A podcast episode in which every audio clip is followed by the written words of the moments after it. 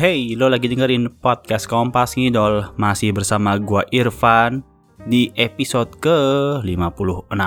Wow, sudah episode ke-56 ternyata Di luar segmen-segmen Oshiku atau segmen yang lain ya. Hmm, Ternyata podcast ini sudah banyak sekali gitu Buat episode yang isinya mungkin ya, hanya uh, keresahan-keresahan dan uh, gerutu-gerutu dari mas-mas ini gitu ya. Uh, semoga kalian yang mendengarkan episode ini masih sehat-sehat walafiat dan juga diberikan berkah dan kemudahan dalam menjalankan ibadah puasa bagi yang menjalankan di bulan Ramadan tahun 2022 ini. Dan tidak ketinggalan juga saya ingin membuka episode ini dengan memberikan selamat kepada para member yang terpilih menjadi The Nine yaitu Senbatsu pilihan manajemen JKT48 yang akan membawakan lagu single original yang diproduksi oleh produser global uh, Matt Red. Keren ya?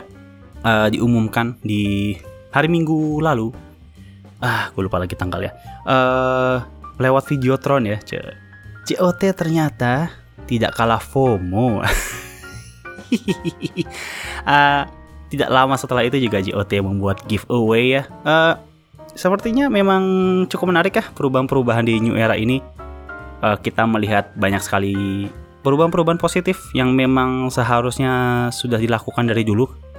Uh, banyak sekali hal-hal yang memang harus berubah sih dari manajemen ini uh, dan juga mungkin dari idolnya itu sendiri karena seperti yang gua bahas di episode sebelumnya New Era ini memang rasanya akan melahirkan satu spektrum baru dari JKT48 akan menawarkan satu konsep baru yang mungkin lebih ramah uh, masyarakat umum mungkin ya. Uh, dengan konsep 9 orang tidak rombongan 16 orang atau lebih gitu ya. Uh, lagunya juga diproduksi oleh produser lagu pop internasional gitu. Jadi well ekspektasi cukup tinggi dari fans dan mungkin dari masyarakat umum yang mengetahui inisiatif ini. Dan banyak sekali gerakan-gerakan JKT yang memang apa ya, terlihat sekali ingin memposisikan JKT sebagai idol group uh, perwakilan Indonesia gitu ya. The leading girl group or idol group di Indonesia. Uh, terutama dengan membuat uh, single baru ini menjadikan Azizi wow sebagai center. Keren sih, keren keren. Jadi memang harus ada apa ya uh, regenerasi gitu ya. Baik dari fansnya, nggak bisa orangnya itu, itu aja dong. Uh, sama membernya juga yang akan dipush ke masyarakat juga nggak bisa itu itu aja. Uh, eh, gue sangat menantikan uh, single ini. Uh, tapi memang mengundang pro dan kontra ya. Uh, mungkin dianggap terlalu kepo-kepopan padahal lagu dan konsepnya juga belum ketahuan. Ini masih sekedar asumsi saja. Uh, mungkin tertrigger karena video special performance kemarin gitu ya. Uh, tapi jadi pertanyaan sih, apakah memang hmm, DKT48 akan mulai melepas identitas ke Jepang-Jepangannya gitu? Tapi pertanyaannya gue balikin lagi sih ke para fans atau mereka-mereka gitu yang menganggap bahwa JKT mungkin bisa kehilangan jati dirinya sebagai idol 48. Bahwa apa definisi dari idol Jepang? Apa konsep dari idol Jepang itu sendiri? Hah? Apakah memang ada definisi bakunya? Tentu saja tidak dong. Kalau kita lihat di Jepang ada baby metal gitu ya, yang lagunya metal ya sesuai namanya. Uh, mungkin kalau yang agak-agak elektro yang tahu gua, yang gua tahu adalah perfume. Kalau pernah dengar cuma tiga orang basically. Jadi bahkan di Jepang sebenarnya idol group itu konsepnya sangat bervariatif gitu ya dan banyak gitu yang mulai mengikuti tren yang mungkin di set up duluan gitu ya konteks dan kontennya oleh idol-idol Korea gitu. Jadi ya nggak apa-apa lah gitu. Uh, I think I think yang yang ditakutkan adalah image-image uh, member-membernya sendiri gitu. Mungkin kalau di girl group Korea ya image yang tertampil gitu ya. Yang di display adalah cewek-cewek yang fun yang party gitu ya. Hmm, liberal mungkin. I don't girl crush gitu ya cewek-cewek independen sementara kalau di di Jepangan gitu ya memang kan lebih kawaii lebih innocent. Uh, mereka seperti yang membutuhkan perlindungan kita para fans-fans gitu. Dan butuh dukungan gitu. Jadi mungkin takut kehilangan itu ah tapi tidaklah uh, tidak akan segampang itu melepas jati diri yang sudah 10 tahun uh, membangun JKT dan menopang JKT di posisinya sekarang dan I think uh, dengan keberadaan teater setlist yang masih dari 48 itu sendiri ekosistem idol you can meet di mana lo bi bisa handshake, bisa video call, bisa meet and greet. Itu sih ciri khas Jepang banget ya kalau kata gue ya. Jadi jangan jangan takut jangan takut. Ini hanya menurut gue adalah satu spektrum baru dari JKT untuk melebarkan target pasarnya. Dan kalau ini berhasil gitu ya, dan banyak fans baru, apakah impactnya juga nggak ke elu-elu lagi gitu kan bisnis makin bagus JKT bisa makin improve tapi kapan website itu dirubah kapan tiket war itu dirubah? Hey itulah pain points ya. Titik frustrasi paling tinggi dari para fans JKT48 saat ini. Harusnya itu yang dirubah. Harusnya itu yang dirubah. Nah ngomong ngomong-ngomong soal perubahan uh, mungkin di episode ini gue juga mau menyinggung sedikit tentang rumor dari uh, akuisisi IDN, IDN, IDN Media.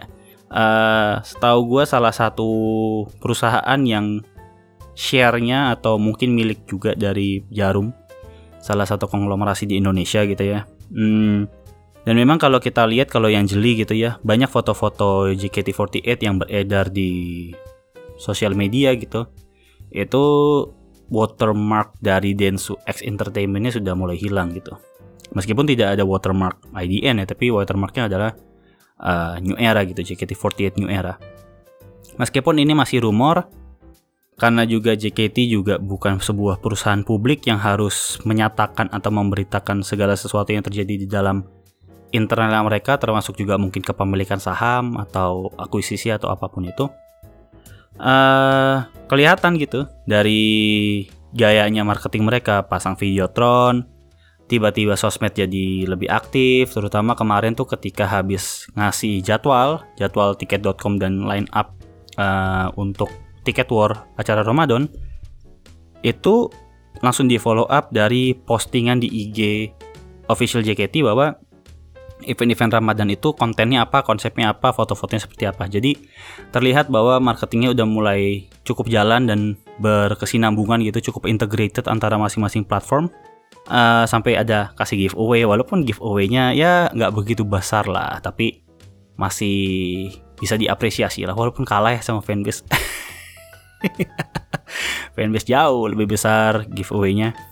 Uh, I think I think that's a good thing uh, in a way bahwa 10 tahun berjalan dengan manajemen yang sama, mungkin mungkin direkturnya atau mungkin uh, anggota-anggota inti dari pembuat keputusan di dalam pun itu-itu aja orangnya.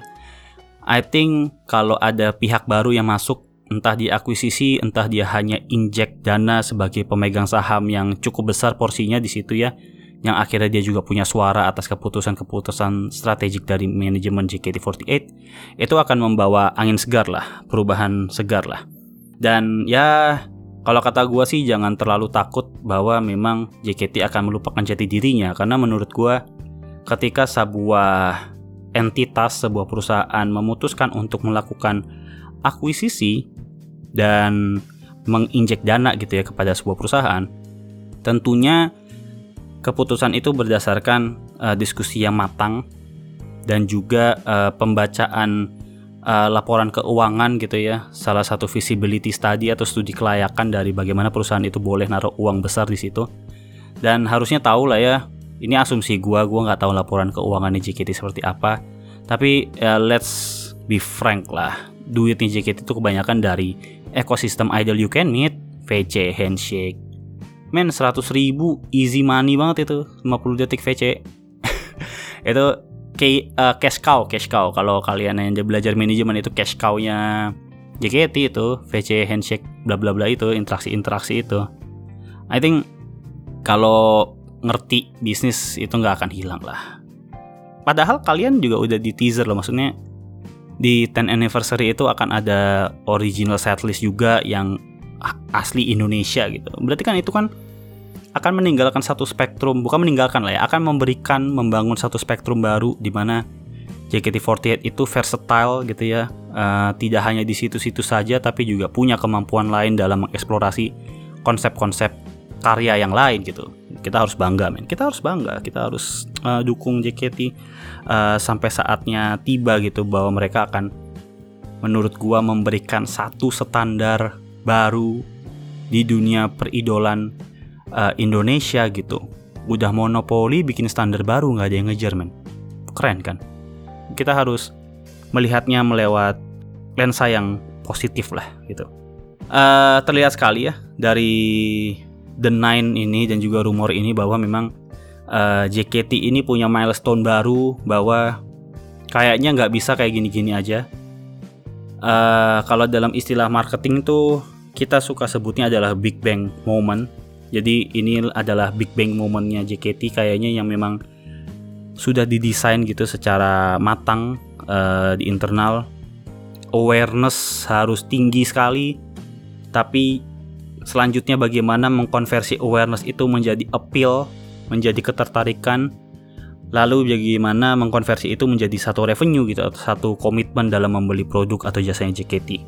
Dan terlihat sekali dari pemilihan membernya yang bisa gue bilang ah visual semua ya. Maksudnya mereka tentu punya skill menari dan bernyanyi yang uh, mumpuni gitu ya, yang mungkin di satu standar yang memang sudah dianggap bagus di internal JKT. Tapi ini cakep semua, men. Maksudnya ini gue bisa bilang memang cantik itu relatif dan subjektif, tapi sembilan ini memang secara umum cantik lah.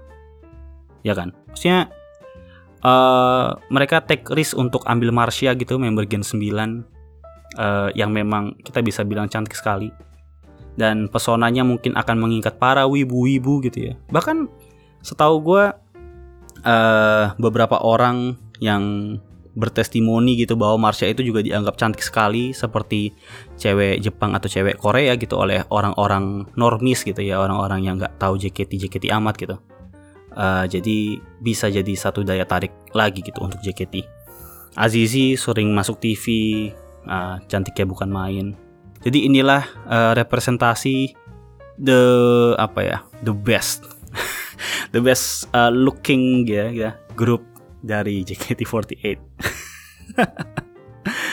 well uh, I know masing-masing dari kalian pasti punya apa ya susunan line up harapan kalian masing-masing. Mungkin ada beberapa yang masih agak nggak serak kalau Oshinya tidak masuk.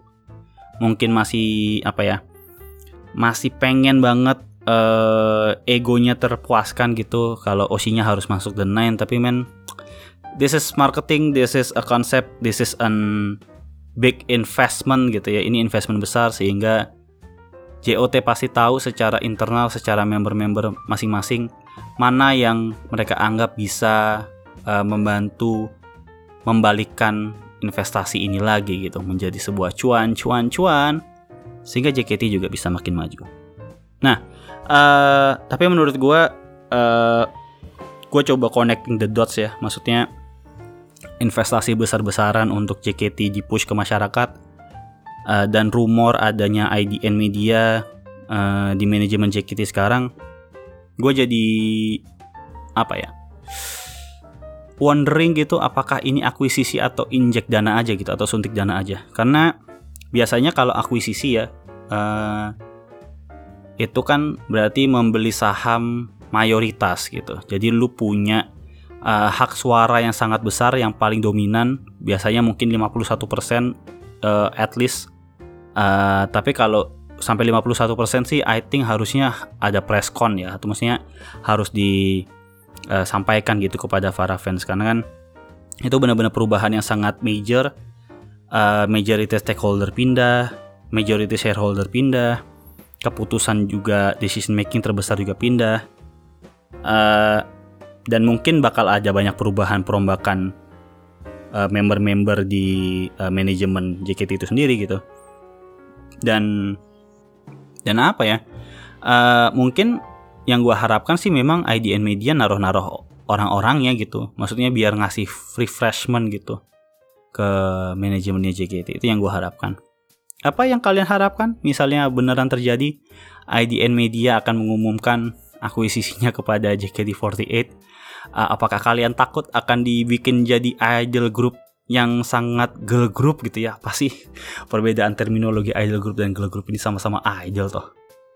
Maksudnya kalian takut kan kalian gak bisa ketemu lagi jadi eksklusif ya kan kayak idol-idol Korea gitu ya atau nanti terlalu dialay-alayin mungkin biar menarik masyarakat uh, banyak masyarakat gitu kan ya menurut gue gini aja sih. Kalau kalian nantinya eventually tidak senang dengan arah perubahan JKT yang akan dilakukan tahun ini ya sudahlah. Tinggal back off. As simple as that. Gue yakin walaupun kalian mungkin yang ah gue pensiun aja deh. JKT sudah tidak seperti yang dulu. Tenang akan ada fans baru yang akan menggantikan kalian menjadi cash cow dari JKT sendiri. Ya kan uh, ya yeah, I think uh, that's all ya untuk episode ini gue mungkin bikin episode yang cukup singkat aja menurut gue apa ya perubahan ini tuh memang high risk high return sih. Memang momentumnya pas juga ya lagi viral-viralnya orang lagi banyak kenal JKT dan why not kita manfaatkan momennya gitu.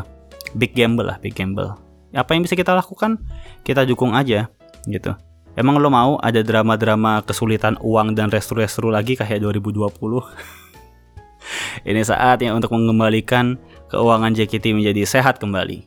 Dan kalau sehat kembali kan mungkin kapasitas teater nambah nantinya ya kan harga tiket bisa turun lagi nggak nggak jadi 200 ribu lagi tapi ya mungkin turun dikit lah 150 ribu misalnya gitu. Kasihan loh 200 ribu tuh mahal banget. Aduh nah, tiap minggu 200 ribu nggak tekor juga ya. Ya anyway that's all ya. I think gue uh, nggak begitu banyak komen sebenarnya uh, di episode ini karena gue habis rekaman uh, video di YouTube bersama alumni admin 4. Uh, eh, di situ mungkin gue lebih banyak uh, menyampaikan pendapat gue tentang The Nine itu sendiri, tentang uh, rumor akuisisi IDN itu sendiri. So check it out. Uh, kayaknya episode ini akan keluar lebih dulu daripada episode mereka. And sekali lagi congrats untuk Shani, Jinan, Feni, Gracia, Azizi, Fioni, Kristi, Cika, dan Marsha. Uh, wish all the best for you guys. Uh, semoga benar-benar kalian bisa jadi representasi JKT yang baik. Dan I think that's all for this episode. Thank you yang masih mau mendengarkan podcast ini, yang masih mau mendukung podcast ini. Uh, jangan lupa dengerin episode-episode kita yang lain di Spotify ataupun Noise. So take care everyone, stay safe, stay healthy, and see you on the next episode. Bye bye.